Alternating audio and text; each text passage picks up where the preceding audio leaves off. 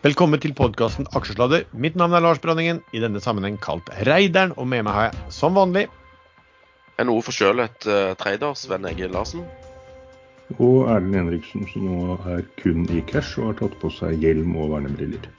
Ja, Og um, sistnevnte, siden du sto over forrige episode, skulle du si, men du gjorde det jo ikke.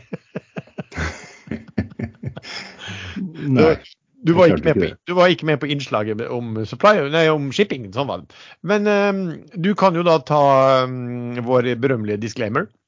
Ja, ikke gjør som dere tror vi mener eller sier, eller kanskje prøver å få dere til å forstå er fornuftig, for vi er totalt uansvarlige. Ja.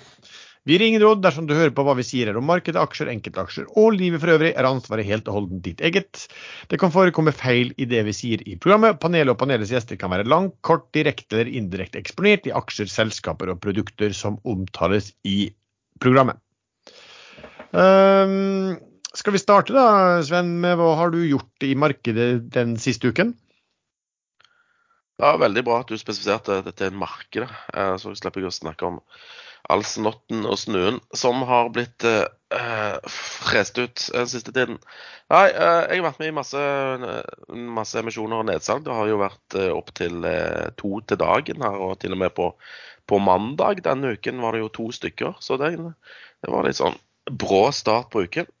Ellers har jeg uh, fått med meg nyheten i Patient Sky, og jeg syns det er forunderlig at den handler såpass godt under uh, cash etter salget.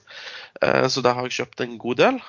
og så har jeg jeg glemte å snakke om Kraftbank. Jeg syns tallene som kom der, var bra. Så jeg har kjøpt en del der òg. Det begynte jeg med egentlig for, i forrige uke.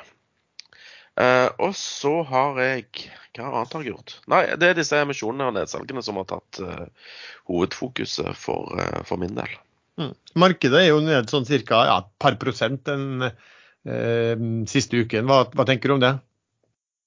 Nei, kanskje endelig kommer nedgangen eh, pga. disse høyere rentene. Og, og når disse venturekapitalbankene i USA begynner å slite, så er vel kanskje det et tegn i tiden på at alt ikke er 100% i balansene til forskjellige banker eh, rundt omkring. Bank får jo bank i Europa òg i dag. Eh, Deutsche Bank er vel ned rundt 7 eller det? Så Nei, det er noe som murrer her, men det er kanskje på tide, da. Nå har jo jeg, jeg har jo vært negativ for en stund tilbake, men det eh, siste føler halve året så har jeg bare fløtet med og bare latt markedet få, få, holde på slik det holder på. Så kanskje nå når jeg ikke bryr meg at uh, ting uh, går til helvete. Vi får se. Ja. Erlend, hva har du gjort uh, siden sist? Nei, Jeg har gjort litt jeg pleier å gjøre. Trent et par US-aksjer, inkludert den, den som heter Gauls Metropol, med tikker LAZR som jeg tror er eh, faktisk et veldig bra selskap. Det er de som har sånn Lidar-laser eh, for eh, Volvo og Mercedes. De har stabilisert seg litt sånn rundt 8-9. Der er jo alle nyheter ute, så jeg håper egentlig at den faller tilbake. Og så har jeg tannlyttet Nordic Mining. De har jo kjørt emisjonen sin og fått inn alle pengene de skal ha. Og ligger fremdeles over emisjonskurs to år over nå. Eh, så det Men plutselig ramler den under. Men hvis den ikke faller under, og ikke holder seg under lenge, så vil det også bli en reparasjonsemisjon på alle de stakkarene som satt i den før kursen ble satt 75% under sluttkursen dagen før. Uh, Ensu, det sa jeg at jeg kom til å prøve en vakuumtrade på, og det gjorde jeg. Og den gikk fra 0,23, som jeg hadde inngang, til 0,39. Og da skulle jeg selvfølgelig solgt alt, for da, mens jeg håpet at den skulle opp uh, til nesten 0,50 og sette et gap der oppe. Uh, tidligere gap det er da tidligere fall fra én dag til neste dag uten at kursen imellom er dekket opp. Så falt den langsomt tilbake. Så gikk den opp til 34 øre dagen etter og 32 øre dagen etter. Og når hele omsetningen begynte å stoppe opp og falt litt tilbake, da vippet jeg ut alle aksjene. Da var det fremdeles volum nok til å få ut alt. Så det ble Det ble hele 17 000 kroner på et par ukers trading på den treden, istedenfor nesten 150 000. Så, men det. Hvis man ikke tør å vente på de virkelig store oppgangene, så får man eh, bare med seg smågevinster, og da veier de ofte ikke opp for småtapene. Man må ha med de store innimellom. Den kommer dessverre ikke.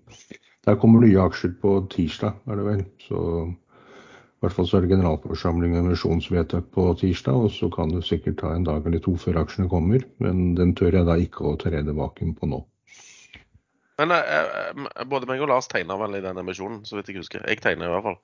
Jeg tror ja. Lars gjorde det. Eh, eh, det var jo en sånn presentasjon av han nye CEO-en her i går, var det vel.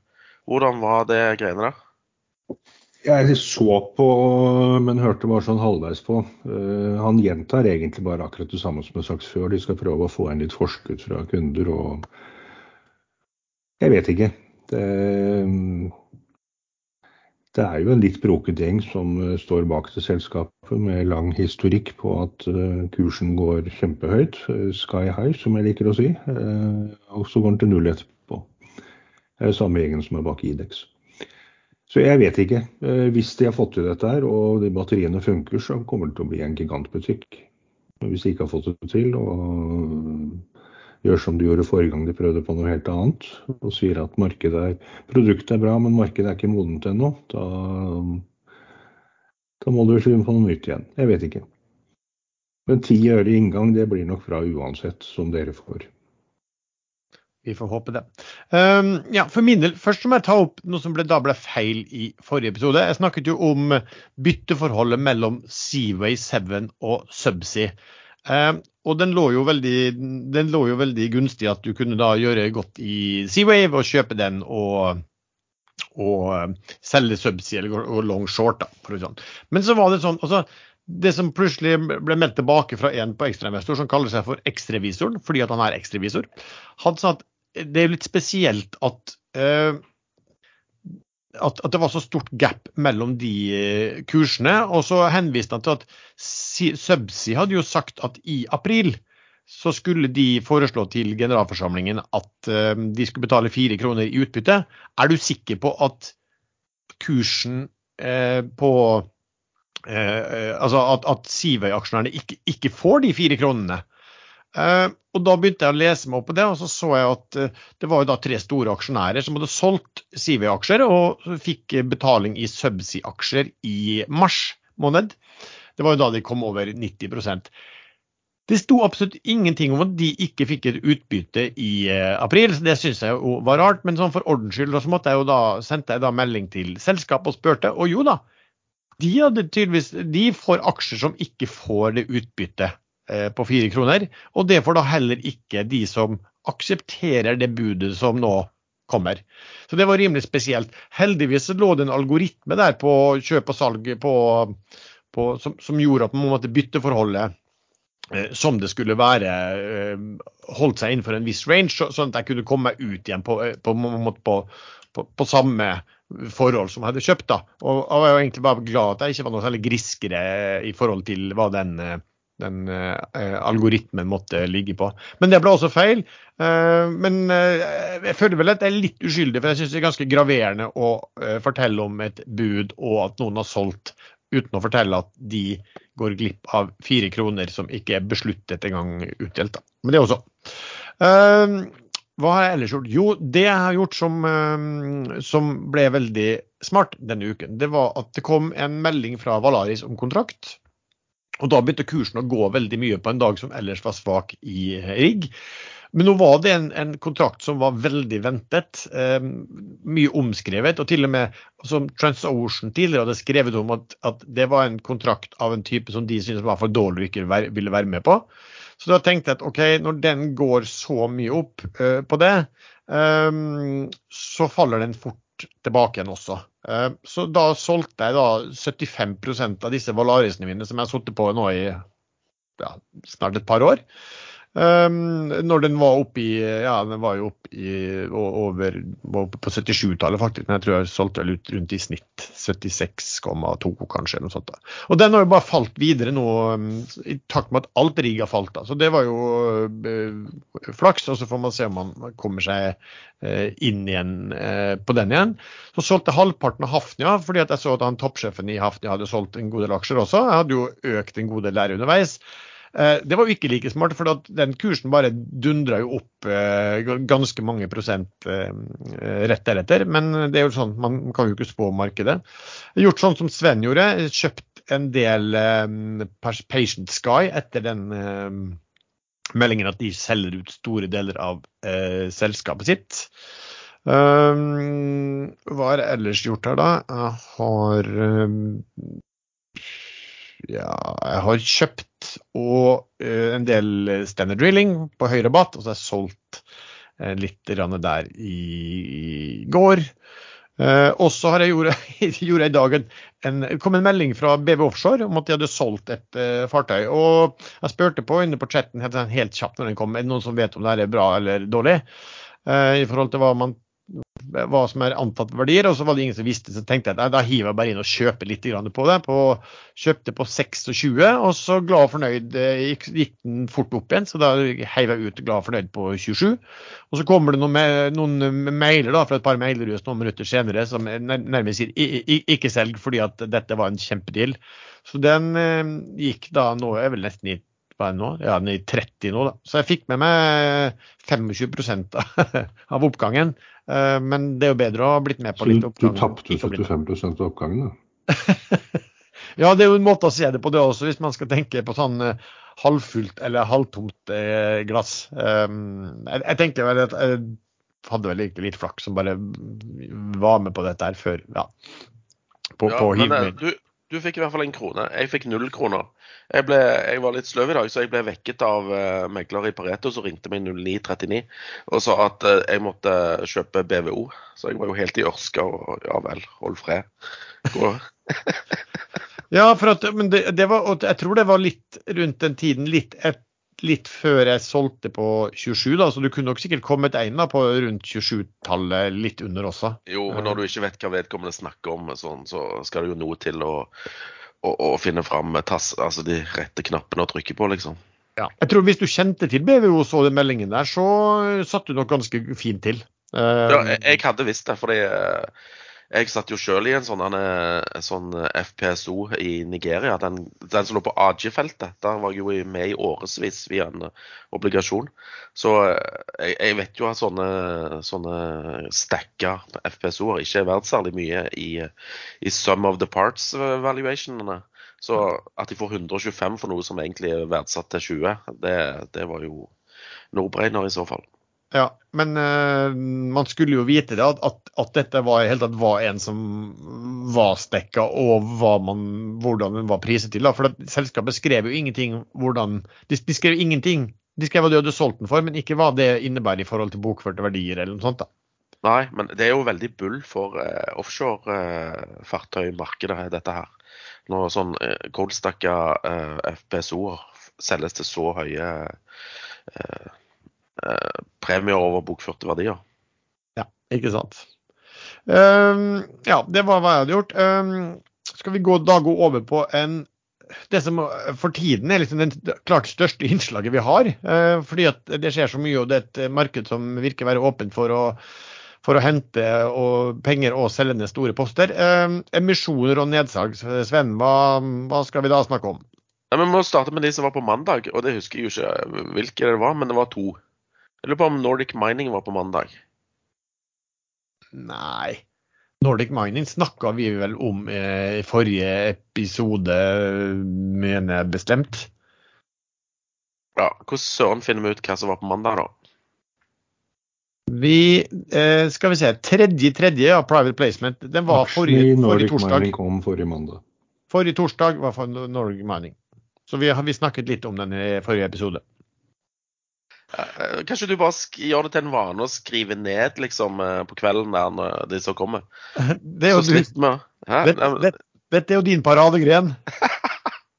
Jeg bare tegner, jeg, og så selger jeg. Altså tegner jeg og selger. Altså, det er sånn.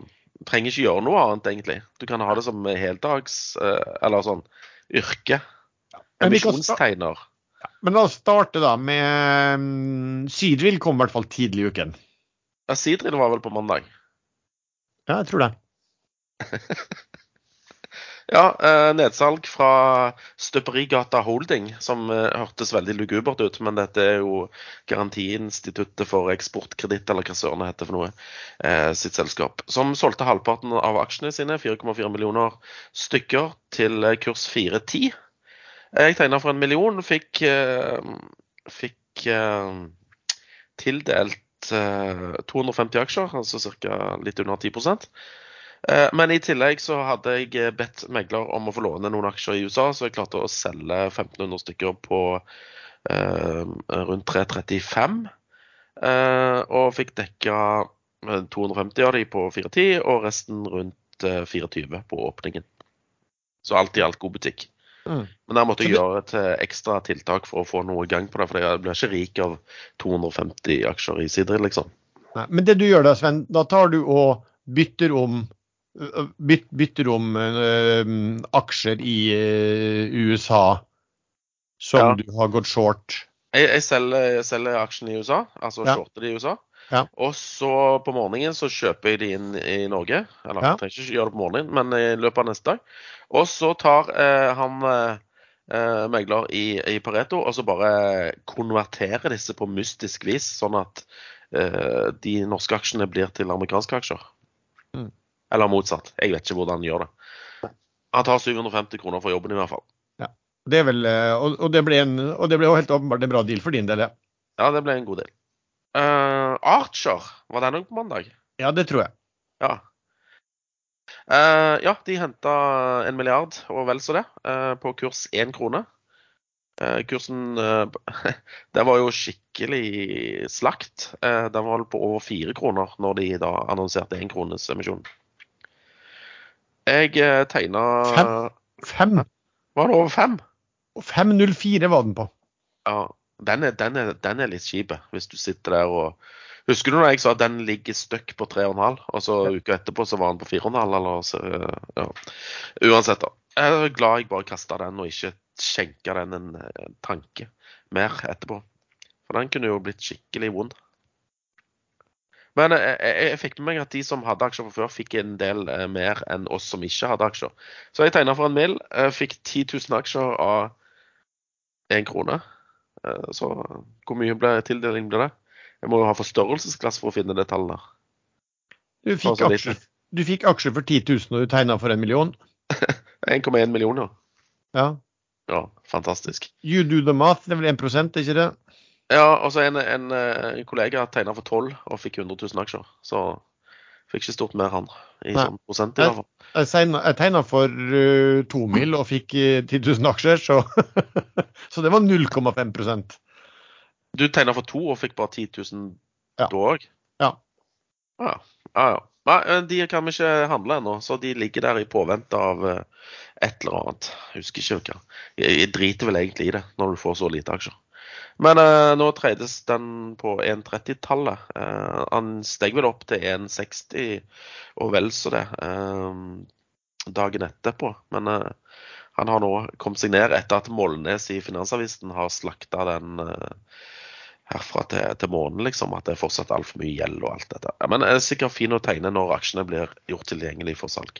Ja, den var jo nede på, nede på 1,25 i går, men så kom det jo melding om da flagging fra Kistefoss, altså Krist, eh, Sveås, Chris Sveås, eh, om at eh, de hadde fått tildelt en eh, masse aksjer. Jeg husker ikke hva, hva han flagga på, men han flagga at de eide eh, åt- litt over 8 da. Jeg, jeg vet ikke om han var aksjonær fra før, jeg tror kanskje ikke det. Så det er kanskje en av de, en de har gått til, som har fått, fått kommet seg inn veldig, veldig eh, rimelig her, da.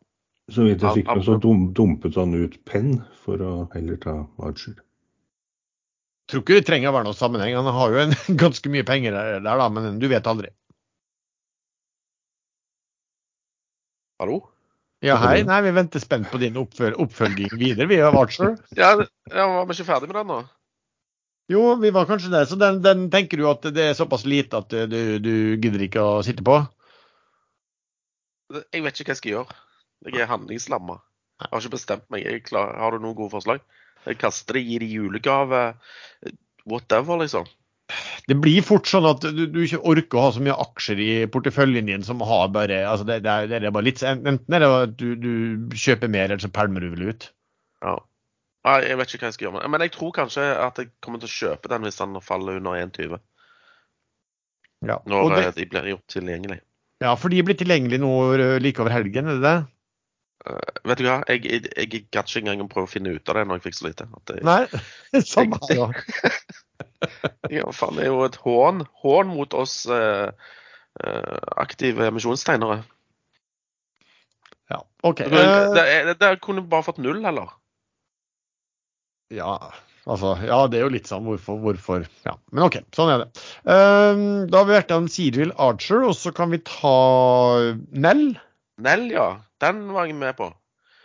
Tegna for den vanlige minstetegningen på 100 000 euro. Og fikk 3000 aksjer av uh, 1490. De pælma jeg ut på 1520 og tjente 900 kroner før kurtasje. Eh, Eller e- egentlig ikke, fordi at jeg eh, bomma på salget der. Fordi eh, du måtte vente en dag med å selge. Så jeg solgte de bare liksom via Pareto, og så fikk jeg jo et sånn innlånsgebyr på 500. eh, fordi at jeg satt short en dag. og da forsvant jo mesteparten av den gevinsten. Ja, men Nei, det var jo ok. òg en, De en henta ganske mye.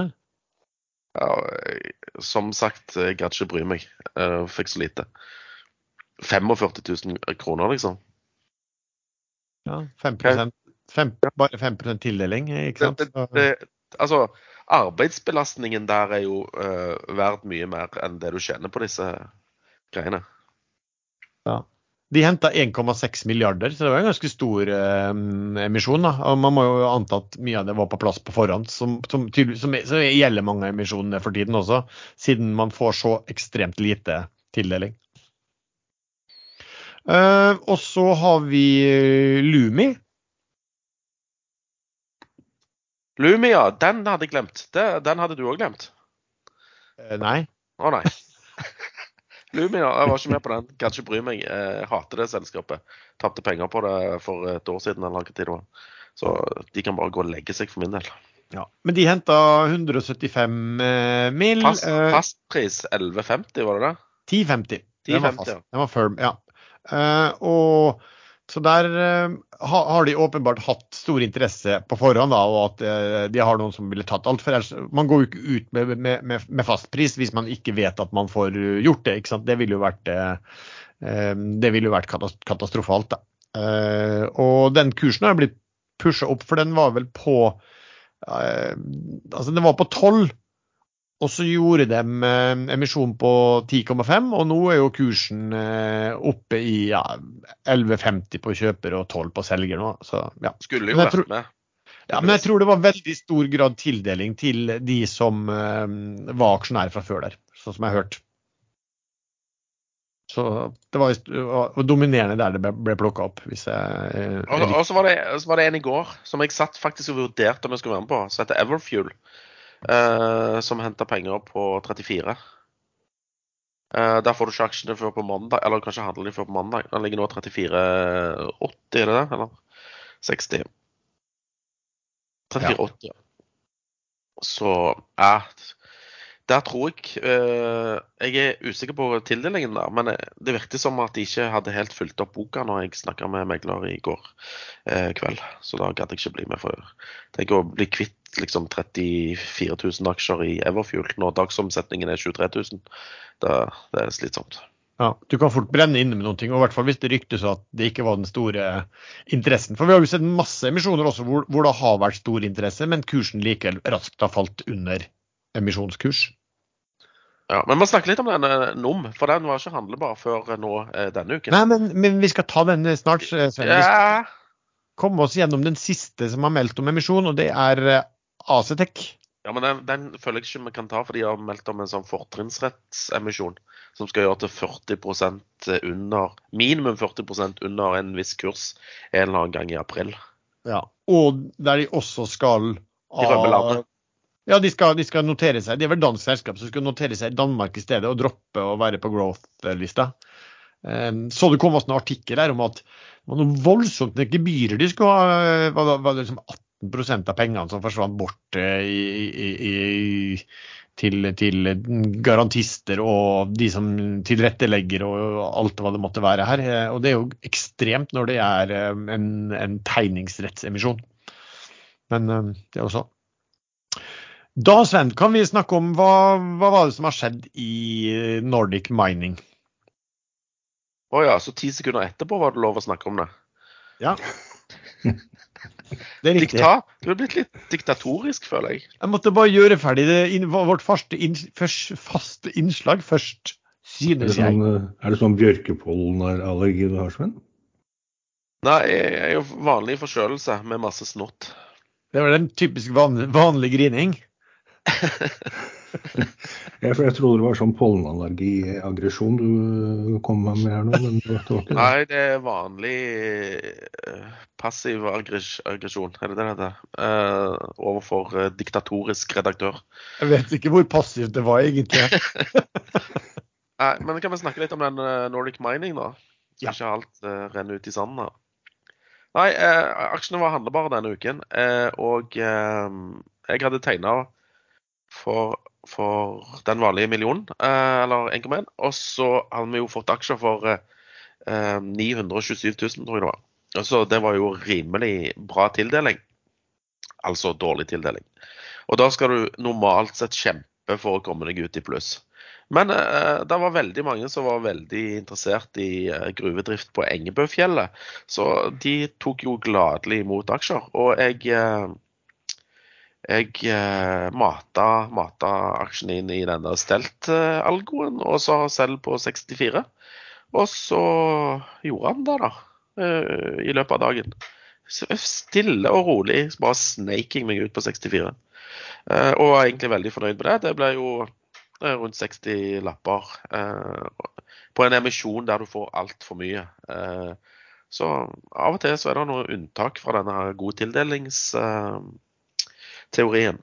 Så jeg er rimelig godt fornøyd med det. Han steg jo opp til 67 øre dagen etterpå, eller noe sånt. altså. Kunne sikkert fått mer ut av det. Men Du, eh, Gni, gni, det her litt inn. Ja, et, øh, et, men, men du, du må jo ta, altså, ta telefonen når meglerne ringer, ikke bare prøve å sende en e-mail og snike deg til billige aksjer, liksom. altså, ja, jo, Ja. du kan, si, du kan si det sånn. Men, eh, men i hvert fall jeg så at den emisjonen kom. Um, Chatta med noe om det og fant ut OK, denne, denne vil jeg bli med på. Og da hadde jeg fått mail fra meglerhuset fra Sparebank1 hadde sendt mail til meg om emisjonen. Og jeg svarte på den emisjonen og skrev at jeg te- var tegna meg for så og så mye. Du, du burde svart på mailen og ikke på emisjonen. Ja, jeg svarte på mailen, det var det jeg gjorde. og så um, lurte jeg jo litt, for, fordi at du hadde jo på fredagen hadde jo du på Men, men morgenen. vi, snak, snakka jo øh, om dette i forrige podkast. Ja, ja. Øh, jeg har fått mail fra han og han mannen i Sparebank1 og med tildeling. Og så fant ikke du den mailen heller. Nei, så da spurte jeg dem øhm, hva, hva, liksom, hva, hva, skjer her, men det var ikke noe svar på det. Og så øhm, skrev jeg da på uh, ekstrainvestor på chatten der at uh, hva faen er det som har skjedd her, liksom? Jeg har blitt svartelista, og da fikk jeg kontakt fra, fra Sparebank1 som sa at de hadde ikke funnet mailen min. Eh, og det var jo veldig rart, som jeg sa. Uh, men så sjekka de litt mer med IT. da, Det viste at den hadde da havna i De kalte det en eller annen karantene, da, den mailen, men altså, det er vel et spam-filter, sikkert. Altså, nå er det jo veldig rart at du kan få en mail fra noen og svare på mailen og komme i spam-filter. Men i alle fall, eh, enden på viset var at eh, min tegning ikke ble, ble noe av. Og det er jo litt kjedelig, for det hadde vært greit å gjort en 7% på eh, 800 000 eller et eller annet sånt, som, som eh, ja, en del andre kunne gjøre. Men OK, sånn er, mm, sånn er livet. Ikke noe å gjøre med det. Hvis jeg ikke da er blitt svartelista generelt sett, da. Det kan jo, det kan jo Det hender at du skriver litt sånn sinte mail, gjør det ikke det? At du har eh, kommet i sånn blokkeringsmodus? Nei, man jo ikke, skriver jo ikke sint mail når man tegner seg. Nei, men i mellomperioder, når, eh, når du har følt urettferdig behandlet eller noe sånt. Jeg tror jeg, ikke, ikke som jeg kjenner til, så jeg tror ikke det er noen ting med det heller. Nei, men du er vel blitt litt eh, gammel og dårlig til syns, du òg. Så når du skriver disse mailene dine med all caps, så blir jo folk litt sånn redd. havner, det havner du mener havna i spam, spam-filteret umiddelbart da? Ønsker å tegne for 100 000 euro! Utropstegn. Ja. Med all caps. Nå blir de redde deg. Min tese var vel at det som sto under der jeg svarte på, er jo da, når du trykker reply, så er jo det med teksten fra den mailen de hadde sendt. Så, det, så min tese er jo at Sparebank1 eh, putta dette her i spam-filteret pga. teksten de selv hadde sendt ut, fordi at det, det virket som et salg. Eller markedsføring eller reklame eller hva. Men sånn Men eh, jeg sovnet litt bort her i stad. Fikk dere da nevnt denne nakenshortingen som, eh, som Nei. skjedde? Det skulle vi i gang med nå, tenkte jeg. Og få høre, for Det er jo det vi har satt opp som en tjuvstart i Nordic Mining. Eh, Du kan jo fortelle hva som skjedde da, Erlend? Jo, her var det et to, todelt. Først måtte aksjene registreres i Brønnøysundregisteret. eh, Og da noen snappet opp at eh, det var gjort, da kom det veldig mange aksjer ut i markedet. Men de aksjene var ikke handelbare før etter at eh, prospektet også var klart fra Finanstilsynet. Og det sto det i den meldingen. Men allerede før aksjene ble registrert i Brønnøysundregisteret, så var det også noen tydelig store aktører som dumpet ut. eh, Dumpet ut eh, flere aksjer enn enn det er naturlig å forvente at småaksjonærer selger etter en sånn melding. Så her skjedde det samme igjen som det skjedde i hva var det sist? Nakenshortingen, hvor var det forrige Flyr, flyr var jo i hvert fall igjen, da. Flyr, ja. Flyr, ikke sant? Det var? Flyr som var skrekkeksempelet, ja. At noen eh, får tildelt aksjer, og de aksjene er synlige på kontoen eh, i mange steder. Kommer på VPS, men de er ikke lov å handle før eh, det formelle er på plass. Men noen gjør det allikevel, og noen meglere tillates at det gjøres. Og der syns jeg at noen snart må ta tak og stoppe dette her. En enkel måte å gjøre det på er jo at meglerhus som har tillatt eller ikke blokkert den type trading med ikke tredbare aksjer, rett og slett mister konsesjonen for en kortere eller lengre periode. Da tror jeg det vil bli veldig slutt fort på dette her. Så du sier at vi skal banne Morgan Stanley, Goldman Sachs og JP Ja, Morgan og den gjengen der? Ja, hus, og gi dem, gi dem karantene på Oslo Børs. Får ikke lov å bli med. her. Jeg tror børsen heller vil ha, ha handelen der enn en dette Jeg er klar over det, men noe må man gjøre. Eh, For mange år siden så var det jo gruveselskapet Northland Resources hvor det samme skjedde. Eh, Der fikk da utenlandske meglerhus bøter for å ha nakenskjortet, men de bøtene var på 10% av det de hadde tjent på dette her. Så bøtene må jo minst være på mer enn de har tjent på nakenskjortingen, For de ødelegger jo mulighetene for andre normale aksjonærer til å, øh, til å ha en fair konkurranse om øh, hvor man kommer seg ut. Ja, Men det er jo ikke me meglerhusene som tjener, det er jo kundene til meglerhusene som tjener. Eh, meglerhusene tjener kun kurtasje. Altså, vi, vi har jo sett det her eh, gang på gang da, uten at noe skjer, men, men jeg vil si at i den Nordic Miningen så var det kanskje litt mer forståelig for de som kunne um, Altså for de som solgte også.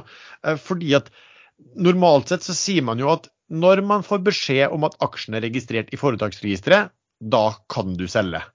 Uh, og den her ble jo registrert i foretaksregisteret, og man begynte å selge. Men det derimot selskapet hadde, men selskapet hadde jo også meldt da, klart og tydelig at selv om de er, blir registrert i foretaksregisteret, så har du ikke lov å selge før vi melder at eh, selve prospektet er eh, godkjent.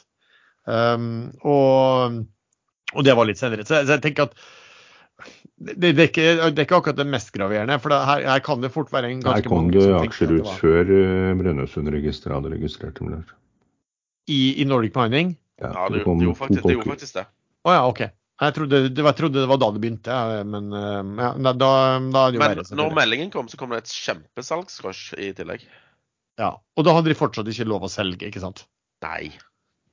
Nå hadde ikke jeg, jeg deltok ikke i denne emisjonen, men jeg hørte fra andre som bruker DNB, at uh, der ble aksjene blokkert fra salg. Det var ikke mulig å få vippet dem ut for de som prøvde. Heller ikke Sparebank1 Market visstnok tillot det, men andre meglerhus blokkerte Nei, men det er hovedsakelig uh, utenlandske meglerhus som bryter loven, altså.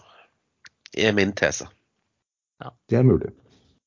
Og, og så, men det er jo det, det Erlend tar opp, da, at det ikke finnes noen som tar tak i det.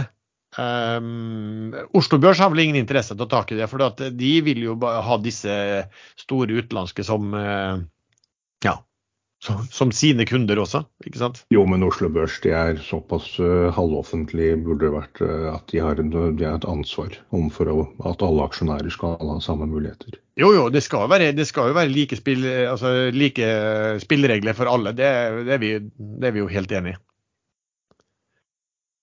Men uh, man må ja. statuere eksempler et par ganger. Eh, hvis noen eh, bryter, så må de i hvert, fall få bøter som er eh, mange ganger høyere enn det de har tjent på det.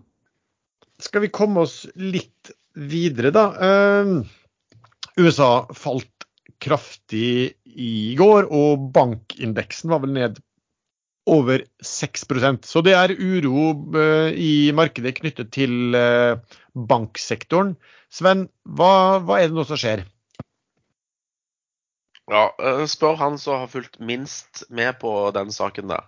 Eneste jeg har fått med meg, er at det er en bank i Silicon Valley som jeg tror han heter Silicon Valley Bank, eh, har eh, fått mindre innskudd Altså, de har mindre innskudd enn eh, de er komfortable med å måtte selge fra obligasjonsbeholdningen sin, og da måtte de bokføre tap.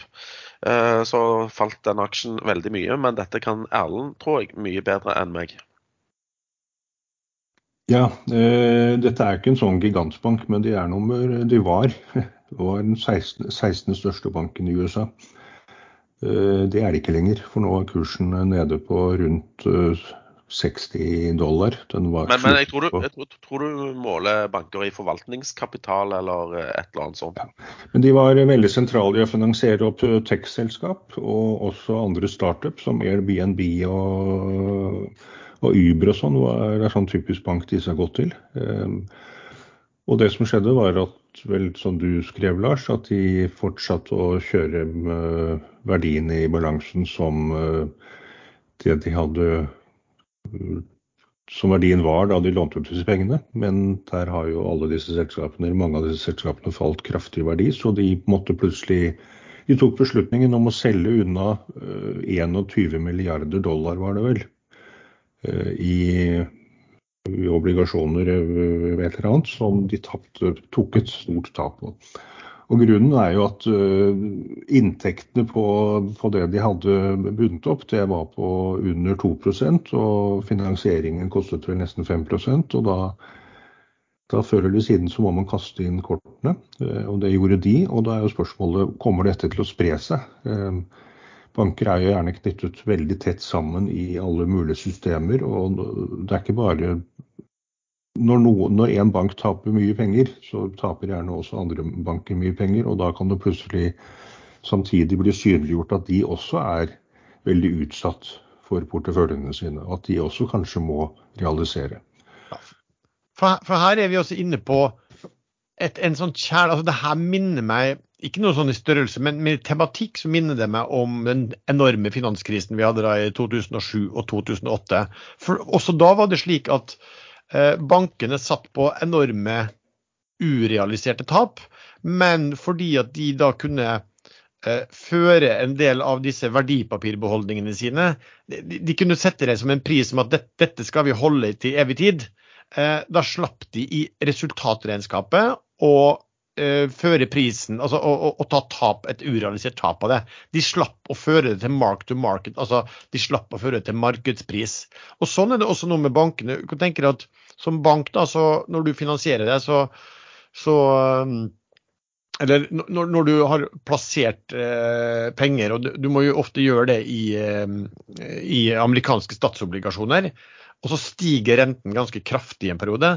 Det betyr jo per definisjon også at prisen på obligasjonene også faller. Så da sitter du da med store tap på denne obligasjonsporteføljen din, men du slipper å ta det inn i regnskapet fordi at du, du har regler som sier at dette, dette, er langsiktige, og du slipper å føre det med en gang. Men det som skjedde med disse her, var at eh, de måtte selge obligasjoner.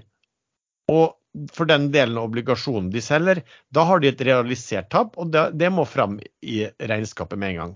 Så kan du jo si sånn at det er jo ikke sånn hokus pokus. Hvis du er, hvis du er bankanalytiker og følger med, så bør du ha en ganske god oversikt over eh, bankenes porteføljer. og regner med at altså, det, det, skal jo være oppgitt hva, hvilken underdekning de måtte ha hvis de hadde brukt en sånn mark to market som markedsverdi på det. Eh, men det, det her kommer jo liksom opp nå og så begynner alle å tenke på det, eh, hele markedet, i forhold til banken også. Hva, hva, skjer med obligasjonsporteføljen? Hvor, hvor, liksom, hvor store tapene på de? Um, og, og, så vet man alltid at ting kan spre seg. da, for Problemet på disse der Silicon Valley Bank er jo også at de årsaken til at de måtte begynne å selge, var jo fordi at de uh, innskyterne tok ut penger.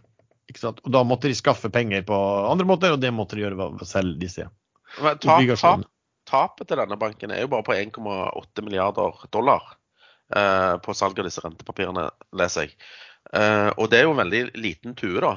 Og hvis den, den lille tuen skal velte dette store lasset Du ser jo at eh, når eh, banksektoren faller med 7-8 eh, i snitt JP Morgan, Citigroup, Bank of America faller sånn type 5 så, så er det jo et spørsmål om, om eh, balansene til disse bankene inneholder samme type eh, tap?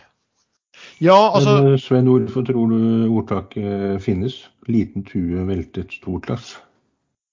Jeg tror det kommer av når du, når du triller sånn trillebår, og så hadde du full trillebår, og så var det en liten stein eller hump i veien, og så velta hele dritten og alt falt ut. Ja, ja. Ikke hvor det kommer fra, men hvorfor har det uttrykket oppstått? var det jeg tenkte mer, mer på. Det var vel en som dreit seg ut med en trillebår en gang, da. Ikke sant. Og nå har kanskje Siv, Sivbank eh, driti seg ut. Og så ja, ja. tryner de andre. Men Sven, det skal si at, at uh, disse her Silicon Valley Bank, de, som jeg sa at de har det ikke i regnskapet, men de kommer gjerne i noter. Og uh, jeg ser i Wall Street Journal så skriver de at uh, i siste, siste regnskapet deres så hadde de en note som sa at, at uh, de hadde altså en, en bokført uh, verdi av disse uh, obligasjonene på ca. 91 milliarder dollar, men at fair market value på de var på 76, altså 15 milliarder lavere da, enn balansen.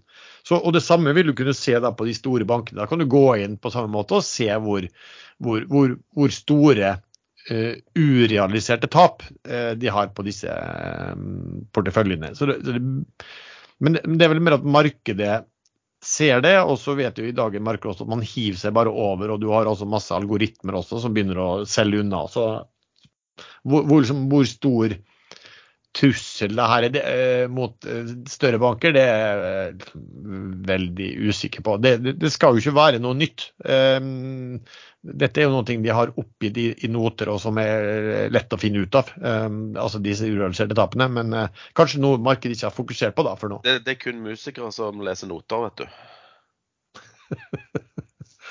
jo, det kan, kan jeg, jeg, vil jo tro at hvis du er bankanalytiker, så må du jo, må du jo se på de, de, tingene her, selvfølgelig. Men, uh, men du vet når, også når ting blir, blir et sånt tema, et sånt frykttema, så ja, kanskje det blir en overreaksjon på noe av banksektoren. Hvem, hvem vet. Uh, men det, det, er ingen som er frista til å gå inn og kjøpe den her uh, Silicon Valley Bank. Jeg tror den falt, falt dem 60% på børsen i går, eller noe sånt? jo, ikke, den har falt 50 siden close i går. Uh, over det. Nei, nesten. Nesten 50. Nå ligger den på 59 dollar i, i prehandelen, og den sluttet på 106. Ja. Eller 106. Men uh, som eh, en kjent deltaker i chatten akkurat skrev, at faren med å trede den nå er at den plutselig kommer en market stopp i handelen, og så går den rett i chapter 11, konkursbehandling. For det, det, er jo alltid livsfarlig når, hvis en bank mister tilgangen til fundingen sin, finansieringen sin, og kundene vil ha ut pengene. ikke sant? Det er jo da du, er jo da du, du sliter. da, så Det er jo litt avhengig av hvor, hvor ellers solid eh, den, den, banken kan jo bli overtatt av andre også, for den saks skyld. Og, og, de, meldte vel i går også at de skulle hente inn et par milliarder dollar i, i ny egenkapital, var det ikke så? Tror det var noe sånt. Um, men Sven, har, du har kanskje fulgt med på Powell litt, da? For det, vært, det kom jo hele tida makrotall. Og så var jo da mm, sentralbanksjefen ute og snakket til politikerne. Fikk du med noen ting av det? Jeg var, jeg var, ikke helt ferdig med den Silicon Valley-banken. Jeg får sånne assosiasjoner til, til brystimplantater. Eh, og, og, de burde jo ha eh, altså store buffere, da, med det navnet der. Bufferkapital. Men det hadde de ikke.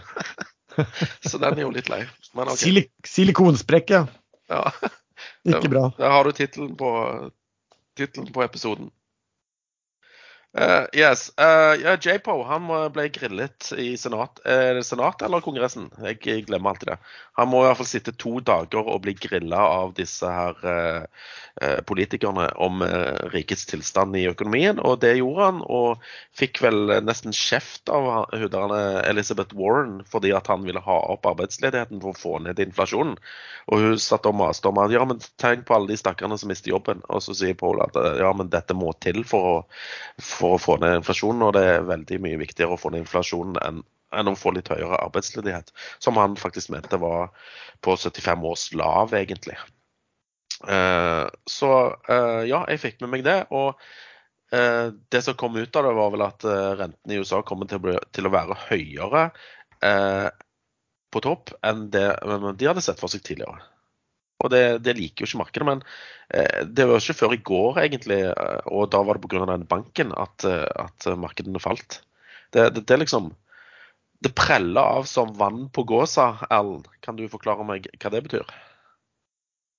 Ja, det kan jeg. Men vil du? Nei, jeg la akkurat inn en snuser, så jeg var litt opptatt. Må ikke spørre om sånn akkurat når jeg er opptatt. Nei, men er det, er det, ikke fordi at gåsa har et eller annet sånn belegg på fjørene? Det er sånn eh, fettlag et eller annet. Ja, altså sånn olje, så oljesøl eller noe. Så det, det er bare liksom det er Oljesøl er verre, for det ødelegger det fettlaget, så da drukner de. Drukner de gjennom huden. Akkurat. Den, den, er, den er lei. Nei, men uh, har du noe mer å tilføye angående advokat uh, Jerome Powell, uh, Lars? Nei, altså, sier han, han, sier vel egentlig det samme som han har sagt ganske lenge nå. At, men kanskje indikerte vel kanskje at de måtte gå enda litt høyere pga. de siste tallene, inflasjonstallene og arbeidstall og lønnstall og alt der. Eh, så det er vel egentlig det jeg stusser litt på, er jo at markedet har bare fortsatt å gå. Kanskje spesielt hvor, hvor sterkt Nasdaq har gått. For der jo, har du jo masse forventnings, høyere PE og masse forventningscase. Og jo høyere renten blir, jo jo dårligere skulle jo egentlig eh, den type forventningscase eh, være. Men eh, altså, nå har den jo falt siste uke alt i alt, men det er jo bare ned 1 og opp ja, 8 eh, hittil i år. Så det er jo solid, det. Det er jo derfor jeg har liksom mista litt troen på, på, nedgangen. Den kommer jo aldri samme hva, hva de sier. Eh, men det må kanskje skje et eller annet sånn eh, Et eller annet sånn Silicon Valley Bank-utløsende uh, Ja, silik silikonsprekk for at dette skal liksom eh, Altså, da så det plutselig ikke så bra ut lenger. Nei. Um, supply, det har vi snakket uh, veldig mye om, og det er veldig stor interesse for det. Og nå, Det har jo også vært mye snakk om Solstad, gjeldsbelastning, hva som skjer der. Og nå kom Solstad med en stor nyhet i uken som gikk. Hva var det, Sven? De selger alle sine PSV-er til eh, amerikanske Tidewater for en uh, kjøpeskilling som er en del lavere enn hva meglerhusene uh, trodde de var verdt. Tidewater gjør en god deal, stiger på børsen. Solstad, som er litt i finan finansiell distress, taper på det. Aksjekursen faller, og de trenger penger til å innfri noen lån som forfaller neste år. Så det er ikke umulig at det at de må hente litt ekstra penger i form av egenkapital. Men nå har de i hvert fall solgt alle PSV-ene sine, og eh, med det senka gjelden sin med et beløp som jeg ikke husker, men som du sikkert husker. 6, var det seks milliarder de, de solgte for? Spør du meg, så spør jeg deg. De Men det som er litt interessant, er jo hvorfor selger de dette nå? Eh, og Doff skal på, på børs igjen i juni. Eh, nå er eh, Solstad Offshore Soff er nå perfekt, eh, en perfekt match for Doff. Med ATH et eller annet greier som det heter, og subsea-båter. Eh, ankerhåndteringsfartøy, AHTS-er. Det var det, ja. Og det kom en artikkel fra IE24 her for en par dager siden hvor Åse, er det styreformann eller er det CEO i Doff? Styreformen er ikke styreformann, han er jo CEO. CEO han uh, antydet indirekte at de kan være interessert i å kjøpe opp andre selskap, men da må det passe som hånd i hanske til Doff, og det gjør det akkurat nå, etter at de solgte alle PSV-ene. Så da Men altså- får vi Hvilken tikker får vi da, når Soff og Doff slår seg sammen? Din drømmetikker får vi. Ja, så Doff. Men for min del høres det Altså, det er jo ikke sånn at Doff har lite gjeld fortsatt. Eh, og Solstad har også mye gjeld. Eh, så hvis jeg var Doff, da, de har vel litt lange, lengre runway. Jeg ville vært som långiver slash som blir eh, aksjonær, ville jeg vært ganske forsiktig med å ville Alltid et spørsmål om bytteforhold, men, men å gå sammen med noen som har voldsomme gjeldsforfall eh, innen et år. Eh, jeg tror vel at Ja, så hvis det skjer, så, så blir det øh, mer eller mindre garantert i forbindelse med at også SOF rekonstrueres. Ja, i, i den grad de trenger å rekonstrueres. Men, men her er liksom det som er problemet. da, fordi at eh, Man er veldig opptatt av eh, inntjeningen til disse eh, supply-selskapene, som har vært veldig bra. Men, men det, altså, jeg tror kanskje en del ikke eh, tenker nok på, det at det er store låneforfall. Og de tror da at det sitter sånne snille banker, DNB og Nordea og alt hva det måtte hete, som sitter der snille og sier at ja, men nå tjener dere gode penger, så da bare rullerer vi den gjelden. Altså, Sånn funker det ikke. da, fordi at Mye av gjelden til disse selskapene, det kan være obligasjonslån, men også banklån, de blir kjøpt av andre aktører fra bankene. Og en del av de aktørene er beintøffe hedgefond. Eh, og det er vel flere nå, det var vel også snakk kanskje om, om at det var slik i Archer også. At, altså, de sier at enten så skal vi uh, konvertere disse uh, de- konvertere deler eller hele lånet til knallave kurser, eller så vil vi ha ut alle pengene nå med en gang. Så de kan være beinharde på, på disse tingene. Um, og, og, så, så det er kanskje det man bør ta inn over seg når man sitter og begynner å nærme seg den type låneforfall slik som, uh, slik som verden er nå. Um, og at det ikke da er så lett å Altså disse, disse uh, supply-selskapene har jo inngått rekonstruksjonsavtaler på å da betale veldig lave renter. Uh, men de rentene, hvis de nå skulle refinansiert så må de betale noe helt, helt andre renter. Jeg hørte Tidewater, som jo kjøper solstoff, som måtte vel ta opp noe lån. De betaler vel 9 eh, på eh, rente. og eh, det er altså sikrede lån da, til, til 9% rente. Og de hadde vel egentlig satt vel i nettcash før de gjorde det her også. Bare for å skyte inn at eh, Doff eh, får nå fem år med veldig gode rentebetingelser i forbindelse med rekonstruksjonen sin fra de eh, eksisterende bankene. Så det er veldig, veldig bra for de da. Ja, Det kom akkurat en artikkel i Finansavisen om eh, ratene på ankerhåndteringsskip. 1,5 millioner kroner per dag nå i Nordsjøen. Ja, Og man regner med to millioner. veldig fint for Viking Supply Ships, som sitter med sin flåte i, ja, i, i spotten. Har du tilfeldigvis noen aksjer der? Jeg har tilfeldigvis noen aksjer der. Sånn er det. De har vel snart alle fire måtene ned er det ikke det? Eh, ja, de har vel det nå. Som de har fått den siste båten ut nå også. Så har de jo også noe PSV-er, da, sånn sett. Men det som også man så da, etter den eh, Solstad falt jo da veld, veldig på børsen etter den dealen, eh, Sven. Hva, hva forklares det med? Jeg trodde jeg hadde forklart det med at de fikk for dårlig betalt eh, i forhold til det som meglerhus trodde var verdien på disse skipene. Ja. Men, men Så- tenker du ja, Nei, Unnskyld? Tidewater, Tidewater gjorde en god deal, og Solstad gjorde en dårlig deal fordi de måtte. Ja. Men tenk, hva tenker du da om å bruke prisingen til Solstad, eh, den, sol, den prisingen i transaksjonen, er, er det en transak pris man da bør bruke, skal bruke ut i markedet, altså når du skal begynne å beregne verdier på andre selskap som har mye PSV-er? altså Du har jo da um, Standard Supply, du har CM Offshore, uh, ja, en, en god del andre aktører også som, uh, som har har PSV-er. Ja, prisen på disse PSV-ene har jo steget uh, mye de siste tolv månedene. Og, og, og det er så store forskjeller på størrelse, alder og mange andre faktorer. Men store PSV-er er det som er liksom in. Eh, og de har eh, steget veldig mye i verdi. Så eh, du kan ikke bare ta den summen og dele på 37, liksom. Som var liksom antall fartøy som de solgte. Det, det, er spesifikasjoner og sånne ting du må se på i detalj da, for, å, for å avgjøre verdiene på, på disse båtene. Men eh, mitt inntrykk er at store PSV-er har steget veldig mye og eh, fortsetter å stige. Fordi at de får lange kontrakter med høye rater. Men det finnes vel ikke mange kjøpere i det markedet? Det er vel ikke mange aktører? Så, så når Solstad må gjøre noen ting, eh, og vil selge hele flåten sin så da, altså Pareto skrev vel om dette her i hadde vel også noen sånn podkast for seks måneder siden hvor de snakket om at dette var en transaksjon som ville gi mening, for Tidewater hadde musklene til å plukke opp en sånn flåte, og Solstad trengte å bli kvitt. Eh, ja. ja.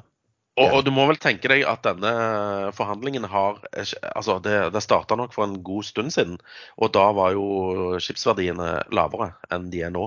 Ja. Så de har tatt utgangspunkt i Den har pågått et år. Ja, riktig. Og, ja, nemlig. Og da, er, da, var jo prisene på skipene mye lavere. Så de har vel kanskje fått eh, gammel pris før inflasjon. ja, pluss at, at, at, hvis du da tar hele flåten, og så, og så vet du at Altså Solstad, de må selge. Og det er ikke lett å gå og, og, og, og du får ikke solgt mange PSV-er. Det, det, tar uh, vinter og vår og mange år hvis de skulle begynt å solgt mange av den flåten der. Um, og da, når du vet at de må selge, og det er nesten bare vi som kan kjøpe, um, så vil du jo forhandle deretter også. Men vi ser også at som sagt, så CM Offshore også falt jo i etterkant av Eh, den meldingen der. Og det er jo ja, fordi at man ser at kanskje ja, folk regner litt annerledes på, på flåteverdi også. Og det kommer noen reduserte kursmål så også på Solstad offshore fra sånn som um, Pareto. Men bare for å konkludere dette her med, med renter og, og, gjeld og eh, på offshore-rederier og oljeservice-leverandører type PGS. PGS er ute i markedet nå eh, for å hente eh, en obligasjon, en sikra obligasjon, til 12 rente. Det er rimelig. Altså Har du tro på PGS skal overleve de neste årene, så kjøper du den obligasjonen og får 12 eh, eh, rente på pengene dine. Altså, må jo siden jeg hører det at det begynner å bli ganske mange tilfeller nå hvor du tenker at eh, eh, altså risk reward ser mye bedre ut i obligasjoner med, med, med sikkerhet i eh, fartøy og hva det måtte være, til 12% enn å kjøpe, i, eh, enn å kjøpe aksjen? Tenker ja. Du, ja. ja, jeg er enig. Altså, Har du tro på at de overlever syklusen, så kjøper du obligasjonen istedenfor aksjen. Mm Og får 12% årlig. Ja. Poenget er vel bare at altså, det er jo my selvfølgelig mye mer likvid da, å sitte i aksjer enn i obligasjoner. Men, men, eh, det må jo begynne å bli fristende for veldig mange, i hvert fall eh, aktører, sånn institusjonelle og alt der, å gå inn og kjøpe og heller kjøpe bonds enn, enn når, når, renten er så høy enn en eh, aksjer. Det var bra du nevnte PGS, da, for det var også et spørsmål som vi hadde fått fra en lytter hva vi tenkte om, eh, om eh, finansieringen der. Spørsmål, skal vi se, flere spørsmål fra lyttere. Et spørsmål er eh, hva skjer i Saga Pure? Svaret er ganske enkelt ingenting. Annet spørsmål foretrekker dere å investere i oljeselskap eller i oljeserviceselskap? Sven? Jeg har som regel alltid hatt en forkjærlighet for oljeservice. Vet ikke hvorfor. Jeg syns at oljeselskapet er litt treige. Eh, så det henger sikkert igjen noe derfor. Mm. Større volatilitet er vel det som frister deg i eh, oljeservice? Ja, du, du, må inn med større beløp i oljeselskap for å få noe gang på det. Så jeg liker volatiliteten i Altså se på Archer, liksom. En dag så koster han fem, og en annen dag, neste dag så koster han én. Det har en herlig volatilitet. Ja, vet ikke om de som var aksisterende aksjonærer vil like betegnelsen herlig, men det er jo så Nei, men de må jo elske volatiliteten. Ja. Uh, du da, er en oljeselskap eller oljeservice? Nei, jeg uh, tror på resesjon. Så jeg mener at oljeprisen plutselig kommer til å droppe noe voldsomt og holde meg unna hele sektoren. Jeg blir litt sånn som da, Sven. Foretrekker oljeservice. Syns ofte en del av det kan være liksom greier å, regne på også. Uh, tenkte jeg skulle nevne noen ting som um, kom uh, i Wall Street Journal i uken som gikk. Det var om Shale-aktørene i dette enorme Permian-bassenget. For de hadde sett på dataene som tyder jo på at eh, de har liksom begynner å gå tom for sweet spots. Fordi at i 2022 så produserte en sånn gjennomsnittlig brønn i Permian 6% mindre olje enn eh, i 2021. Eh, og de 10% mest beste brønnene produserte altså 15% mindre enn de 10% mest produktive for fem år tidligere. Og jeg ser også liksom, Toppsjefene nå i disse Shell-produsentene sier vel egentlig at, liksom, at, at ja, stor etterspørsel i framtiden og økt etterspørsel og alt der, det, det, det er OPEC som må, som må, håndtere det der. Så det er jo også litt eh, ja, interessant å se at det, vi avfeier vel dette her at de skal komme med noen sånn veldig store produksjonsøkninger i, i, årene som kommer. Det blir dyr, tydeligvis dyrere og dyrere for de også. Uh, så er det jo spørsmål, mye sånn spørsmål om, um, om uh, emisjoner også. Sven, er det, er det, noen sånne emisjoner, eller noen potensielle griseemisjoner du, du, du sitter og kan tenke deg? Og griseemisjoner mener, da, mener man da selvfølgelig med veldig høy rabatt. Ja. Uh, nei, altså det er jo en del uh, selskap på Euronext Growth uh, som har varsla kapitalbehov fremover. Du har f.eks. Uh, Volue. Du har Tekna Holding. jeg vet ikke om de har henta penger, men, eller om de skal gjøre det. Men begge de to er backa av Arendalsfoss Kompani som stor eier, så de kommer nok til å ta sin prorata og vel så det. Så jeg er ikke så redd for de. Sammen samme med BV Ideol har eh, flagga at de må hente penger, men de har jo BV-gruppen som, eh, som, sin sponsor. Så det må være de som ikke har noen store eh, dominerende eiere, eh, som kan backe de og, og trå til i en, i en større emisjon. Eh, som er veldig utsatt for en svinesti av en griseemisjon. Men, men, kan du ikke risikere det hos de store? Altså Hvis du sitter og eier 50% av et selskap, ikke sant? og du har mer enn nok penger til å være med på det. Altså, I stedet for å da lage masse oppstuss og, oppstuss og betale meglerrustene masse penger, så kan du da si at nei, men da gjør vi bare emisjon på lav kurs, og så melder vi at vi vil i hvert fall ta vår andel av emisjonen. Det er, noe, sånn, det er, jo ikke noe kjempegrunn. Så, sånn at jeg bare tenker på om at det er jo ikke sånn at En dominerende eier, altså en dominerende sterk eier gjør jo at selskapet vil overleve da i konkurranse med andre, men det trenger ikke å bety at du ikke får en lav fortrinnsrettsemisjon uansett. Nei, det spørs jo hvor, hvor snill den eieren er, da. Ja, ja. Ikke sant. Og hvordan det, hvordan det her uh, gjøres. Um, det blir også da spørsmål på det samme. liksom, Ser du growth-selskap som ikke har livets rett? Eh, ja. Et godt eksempel er jo denne alter, altermusen som vi snakket om eh, sist gang. Eh, som da går fra eh, type 15 til, eh, til 3 kroner. Nå fikk de seg en liten rekyl nå fra 3 til 4, eller 35 egentlig, eh, på en nyhet om at de snakker med långiverne. Eh, der virker det å være eh, mye luft eh, eh, bak. Og så, det, det, er en del sånne selskaper, eh, dessverre. Mm. Um, er det noen kandidater som, som du ser som, som, er kandidater til å bli tatt, tatt av børs? Uh, jeg vil tro de med dominerende eier med, som har kapital, som ikke gidder dette her mer. Eller SAAS-selskap. De virker å være i vinden. Ja, eller de Men var... alle, alle, er vel tatt av børsen, bortsett fra Mintra. Men der er vel noe på gang der òg, med Ferd og noe greier. Ja, de kjøpte seg i hvert fall opp til å eie ganske mye, da, så det er spørsmål om de liksom nå stressa for uh, at de må at, at, ja. at, at de må gjøre noe som helst. Men så delte de ut masse Altså de tok opp lån, og så delte de ut masse utbytte, var det sånn? Uh, ja, jeg mener jeg har lest noe sånt, men jeg, jeg, jeg har ikke fulgt med på den i det hele tatt. Ja, det virker litt rart. Men uh, Mintra er sikkert en kandidat til å bli tatt av børs. Uh, annet spørsmål. Sven, uh, rigg som du har vært interessert i, det er Eier du noe rigg nå? nå må jeg se i den porteføljen min her. det var ikke rigg. Det var heller ikke rigg. nei, ingen rigg. Ingen rigg. Ingen rigg. Digg uten rigg. Ja. Um, ja, jeg, jo, jeg har jo da litt Valaris igjen, så er det en god del Seadrill. Og så har jeg eh, litt indirekte i Dolphin Drilling da, via den standard eh, Nei, via, eh, via SD-SD.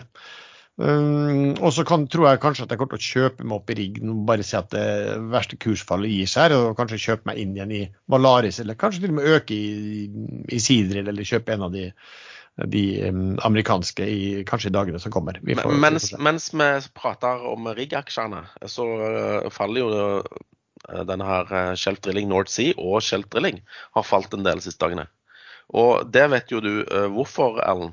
Du er jo, følger jo riggmarkedet tett. ja, ikke sant. Jeg har ikke den ringeste aning. Nei, men hvis jeg sier India, så sier du? Ja, da sier jeg at India har vurdert å omklassifisere eh, jackup-rigs til eh, skip, eh, og da innføre en 21 års aldersgrense, er det vel, på disse. Der ser du. Alt det som ligger latent av kunnskap som du bare fortrenger. Du kan jo masse om dette. Ja, ja, ja. Bare fortsett, du. Jeg, jo, da risikerer jeg spesielt Dolphin, er det vel? Shelf, eh, kanskje? Nei, ikke Dolphin. Ikke Dolphin, Dolphin har... er det Skjelf, da. Ja, Shelf, som har uh, jackup som er eldre enn den uh, datoen. At de da faktisk ikke kan bruke dem utenfor India lenger. Men er dette Men, vedtatt? Nei, det er ikke vedtatt. Og India har visst kommet med samme type forslag tidligere som aldri er blitt vedtatt. Men uh, hva skjer da med ratene for moderne jackups, tror du? Da vil jeg tro at de går mye høyere enn de er nå, for da har de ikke konkurransen fra de gamle jackupsene. Ja, riktig. Ja, det kan du se. Jeg, jeg kan det egentlig, skjønner du. Ja, det vet jeg. Jeg skulle bare få, få det fram i lyset at du sitter på en enorm eh, binge av eh, kunnskap. Ja, Men det her var jo fake for, til lytterne. Det vi gjorde nå, var at vi bare klippa inn eh, der vi gikk inn på. For nå er det jo sånn deepfake at kan, man kan legge inn stemmen til folk.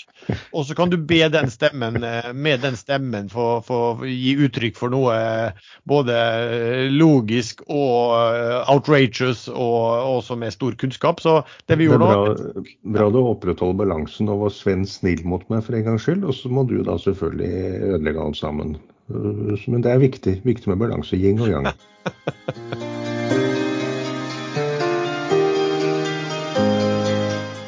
Aksjesladder sponses av tredjemegleren IG. IG tilbyr beskyttelse mot negativ kontobalanse, som sikrer at du ikke taper mer enn saldoen på din konto, selv om markedet beveger seg raskt eller med gaps, slik som USA rørte seg her om dagen.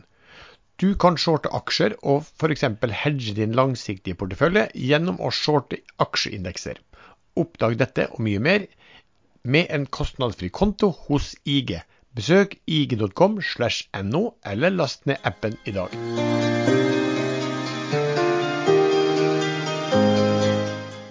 Nei, er det noe mer dere har lyst til å snakke om, eller skal vi kaste oss over uh, ukens favoritt? Nei, da gjør vi det. Uh, Få høre, Sven, hva du har.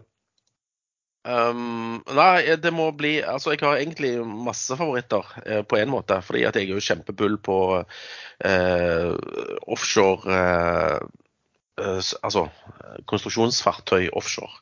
Type Olympic eh, Subsea, type Doff Subsea.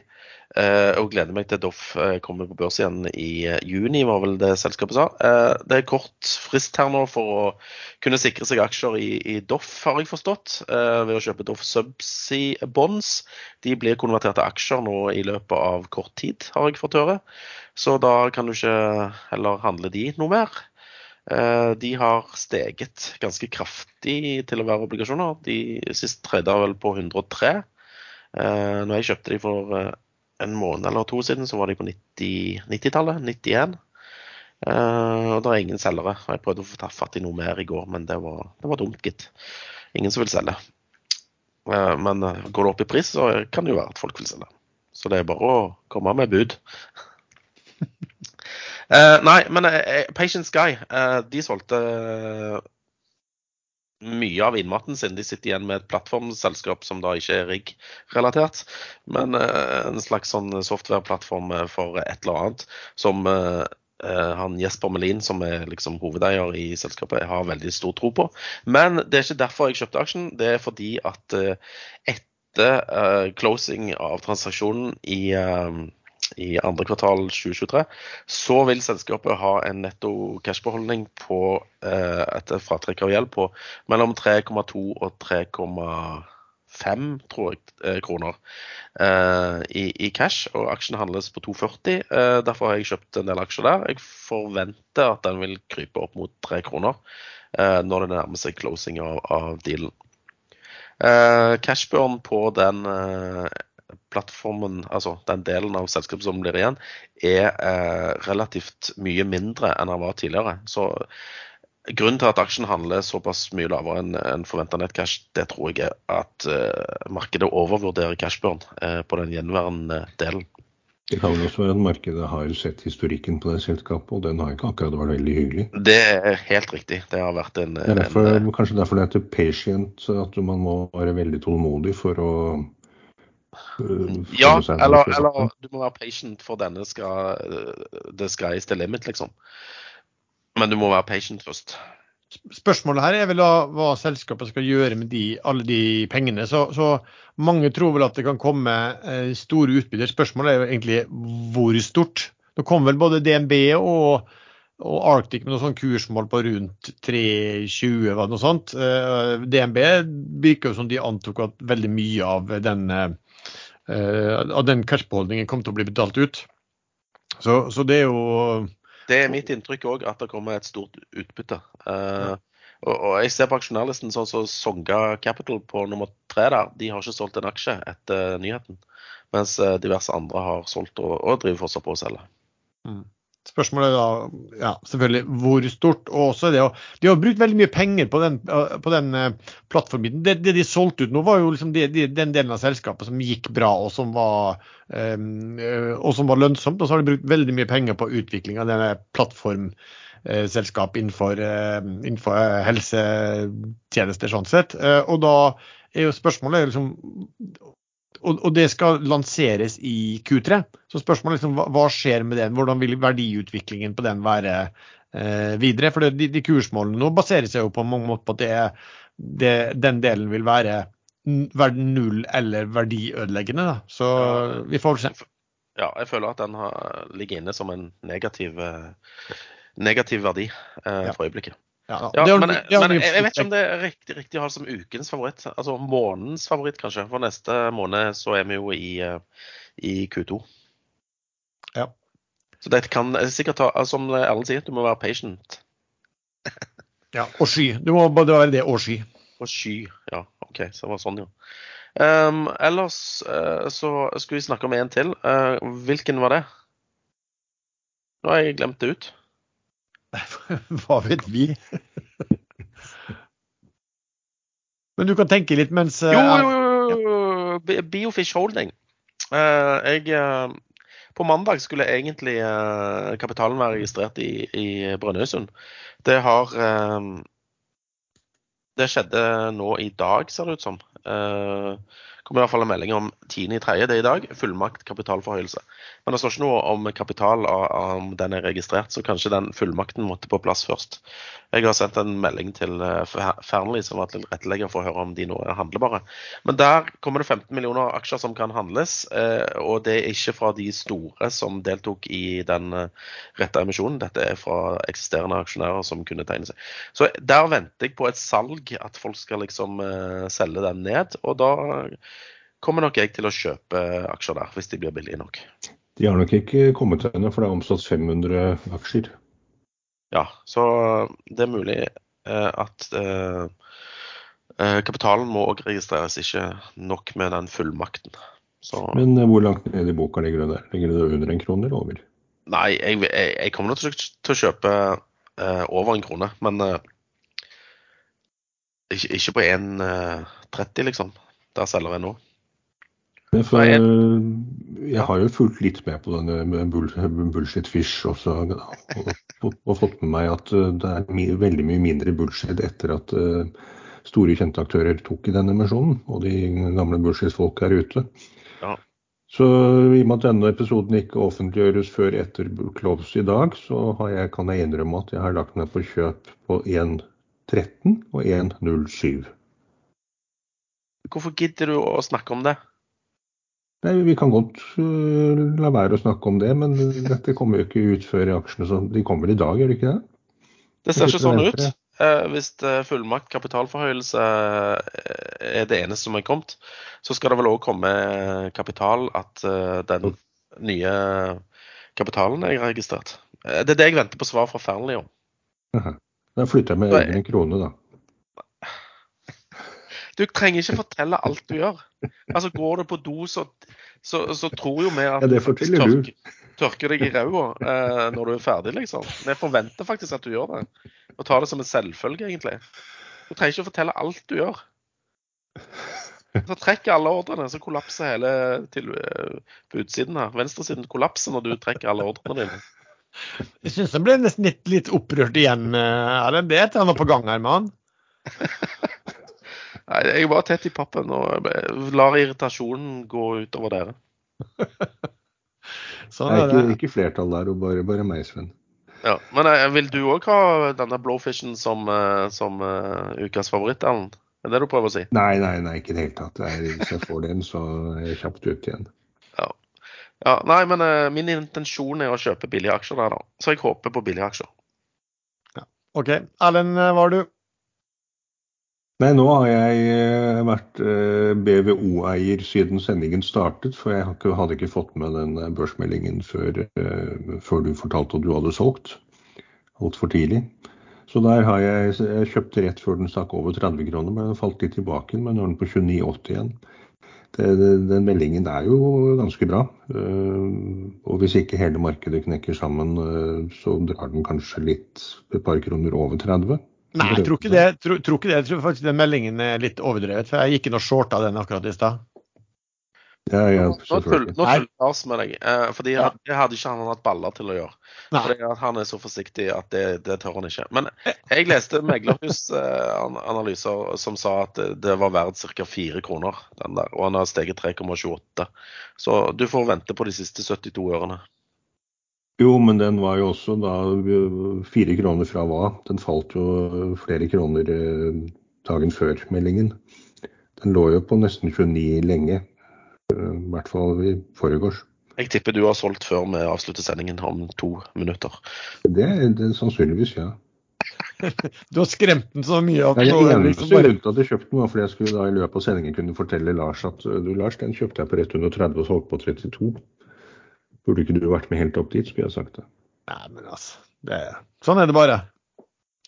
Ehm, ikke noe annet, uh, Erlend? Nei, nå skal jeg avvente og se hva som skjer med denne uh, Siv-banken. Uh, det har ingenting med Siv i Fremskrittspartiet å gjøre, men eh, der kom visstnok en eller annen meglerhus borte i USA med noe kalte det en kjøpsanledning, men det tror jeg ikke noe på. Kursen har nå falt tilbake. Den spratt opp en to-tre dollar da den meldingen kom, men falt tilbake igjen. JP Morgan mente eh, at det var highly attractive valuation nå. Og da falt eh, spratten opp 3-4 dollar, men nå rammer den under 60 dollar igjen. Jeg vil se avvente og se om det kommer ringvirkninger. For det, det kan Worst så er det sånn Lehman-moment hvor alt bare rakner. Li- Lite sannsynlig. Banken er ikke stor nok, og den er kanskje ikke Den er litt for spesialisert innen tech og startups, men, men disse bankene de er, de er litt for lure innimellom. De har for mange derivater og produkter og knytter seg for tett opp i hverandre. og Det er nok ikke den eneste banken som har gjort den samme tabben som disse har gjort. OK. ehm, for min del, eh, jeg tror nok at jeg kommer til å kjøpe meg opp nå i eh, ja, Som jeg nevnte i rigg eh, fort i Valaris litt, men jeg vil følge med hva som skjer. Et selskap som jeg PT eier ikke, mulig jeg eier en del eh, når denne dagen er ferdig, sitter og følger med på, det er jo den der enorme kurstaperen i eh, Horizont Energy. HRGI den er jo ned eh, 73 i, hittil i år. De mistet vel noen sånne partneravtaler, fikk inn noen nye, og så begynte eh, Øystein Spetalen å pumpe ut eh, aksjer også. Um, så den er ned 17% altså siste uken. Altså, det er bare Årsaken til det at jeg ser på aksjonærlisten, uh, og der er det han og State Street. Jeg tror de State Street er en sånn hedgefond som han har gjort mye sammen med. Ser ut som de ligger og selger i ganske rask takt. Men de hadde vel til sammen igjen når mandagen var ferdig, så tror jeg de til sammen hadde kanskje 1,5 million aksjer til sammen. Eh, bare de går og i dag har det gått 1 million aksjer, og det gikk litt før uke før. Jeg tror kanskje at de kan være ferdig eh, veldig raskt nå. Det ligger ganske mye å ta for seg på, på, på, på 10 kroner. Så jeg får se hvor mange hvor mye som går der i dag, og kanskje har jeg eh, kjøpt der, eller og kanskje gir jeg blaffen i det. Fordi at det er jo sånn kapitalbehov og 2028-tall eh, sånn, sånn, fundamentalt i, i den, type, i den type selskap, da. Jeg trodde du skulle si Staysman når du sa State Street. Så da skjønte jeg ingenting. Det var Hospitalen av Staysman, liksom. En ny duo på gang. Men uh, det var det ikke. Men uh, så du den nye analysen eller kommentaren fra Fearnley på den aksjen i dag? Uh, de, de kutta kursmålet sitt med 80% Fra 110 til 20. Altså ikke 120, men til 20. Ja. Men de er jo fortsatt bull, da. Han er jo på 10, så det er jo, en dobling. ikke, de bare ikke superbull lenger. Nei, jeg tenkte at du var liksom sånn screaming vi har bommet grovt, og så fortsatt sterk bull for at du tror på eh, Jeg tror faktisk det var 22 kroner også, var ikke det? Så da har de mer enn en dobling eh, på, på pris. Du, du, har sett en del sånne, da. Det, det er jo hva var vi kalte disse her, eh, den type analyser før, mm, Sven? Koko. Koko-kursmål. Ja, du hadde rett. Target price 22. Last close 11, så de har bare tatt 11 ganger 2 og så har de fått 22.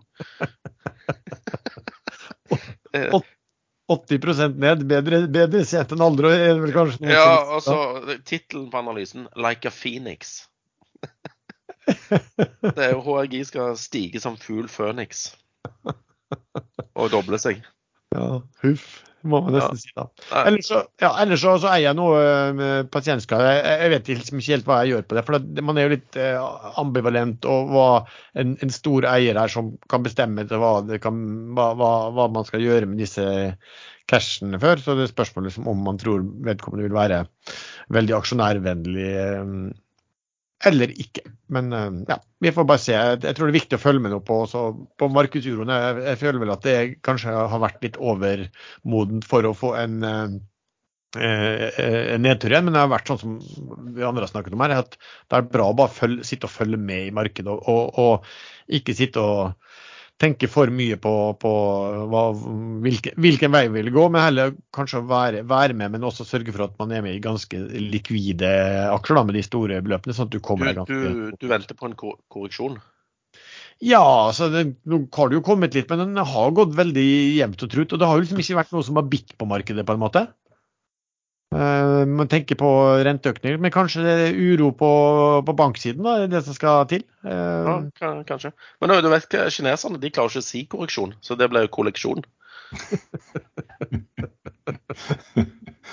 Den tror jeg ikke var helt uh, korser, Sven. Ja, De klarer ikke å si L. Nei, jeg vet du sier det, men den var ikke helt korser. Korser? Hva er det sånn, hva er det sånn måte å ja, det er sånn de sier i Israel. Eller Israel. jødene sier om uh, ting som er eh, innafor. Mat det... og hvordan ting er slaktet. Okay, så det som jeg sa, var det var haram? Ja. Det, kan du nevne, det var haram, ja. ja. Det, noe... Halam, Halal. Jeg tror jeg drar oss litt videre til aksjer. Jeg kan nevne da, når jeg snakket om å være i likvide selskap, så, så har jeg jo noen, noen sånne smågreier. Jeg har jo BV Ideol, som eh, vi har nevnt noen ganger også. Eh, den er jo sånn eksempelvis ned, ned 13 i dag, men den er altså ned på litt over 300 000 i omsetning. Så, så, det er liksom eksempel på hva som kan skje når noen skal selge. og, og, og så, Hvis du vil ut av disse mindre likvide, da, så, så massakrerer du jo kursen selv. ikke sant? Bare ved å, bare ved å gå ut. Eh, eh, så ja, appetitten på sånt er egentlig ikke særlig stort, selv om eh, man av og til ser ting som ja, kan være billig og, og greit å eie. Nå, nå fikk jeg en mail fra Fearnley her på Blowfish. Eh, de ligger fortsatt hos eh, Brønnøysund, og de vet ikke hvorfor de ikke har fått OK ennå. Eh, så kapitalen er ikke registrert ennå. Så det kommer neppe eh, Biofish-aksjer i dag. OK. Mm.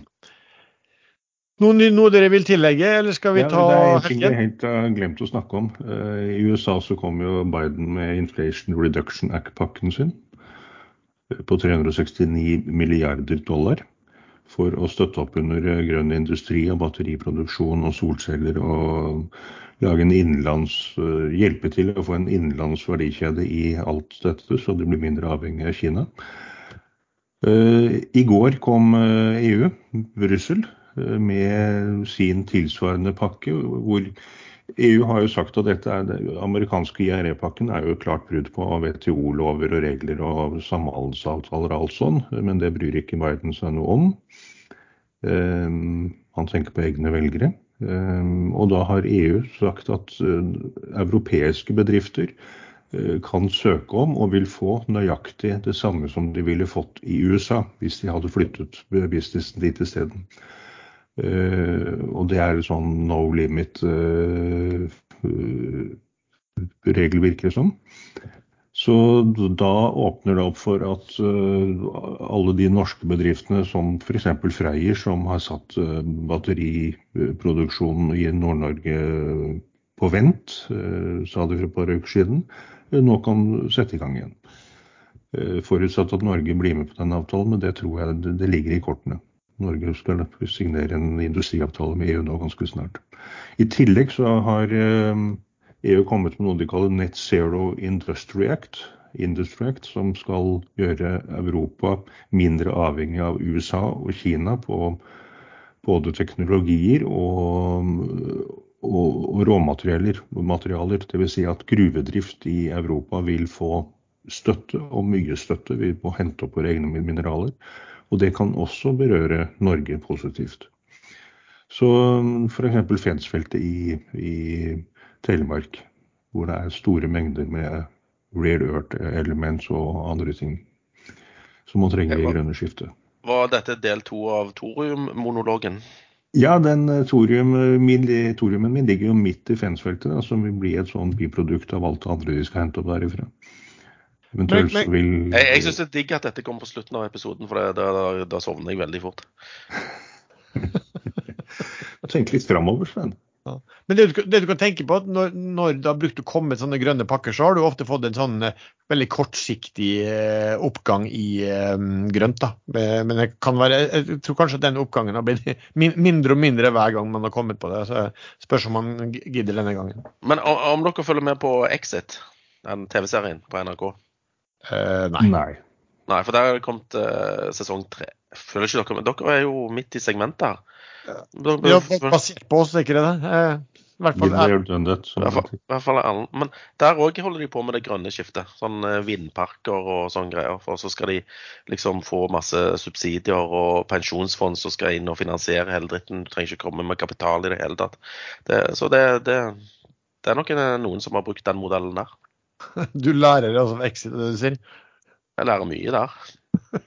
Nei, det er veldig mye juks med dette. her. Det, sånne pakker de, de, har ofte litt sånn ubegrensede rammer. Og smarte aktører de kan finne selskap som egentlig ikke har noe særlig verdi, men så lenge de har dokumenterte f.eks. ressurser i bakken, så kan de plutselig få enorme støttebidrag fra sånne pakkeløsninger. Men litt sånn størrelsesmessig av hva man snakker om her, Northvolt, den svenske en eller annen svensk-nordisk et eller annet samarbeid om å bygge batterifabrikker, de mente at de ville få over 8 milliarder dollar støtte hvis de bygget batterifabrikken i USA. Og da vil de få tilsvarende beløp i EU nå. Så det er enorme summer vi snakker om. Og da kan det være at det blir litt, litt mer enn et kortvarig blaff i den type grønne aksjer som vil profitere på dette. Og med det så takker vi til mye til deg som har lyttet til denne episoden. Du treffer oss stadig oss tre chattene inne på Ekstrainvestor-siden med chat. Vi har også en stor gruppe på Facebook som heter podkasten Aksjesladder.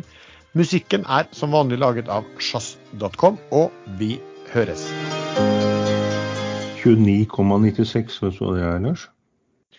Uh, nei, det hadde uh, Det er litt lavere enn hva du hadde kjøpt for, hva du sa? Nei, 29,80 et eller annet kjøpte jeg på. Åh. Så det er Du er se- nå, den er vipper snart over 30, 30 kroner igjen. Du er 16 øre i pluss. Ja, men det er penger hvor de penger er sånn. Det er heller 4500 aksjer.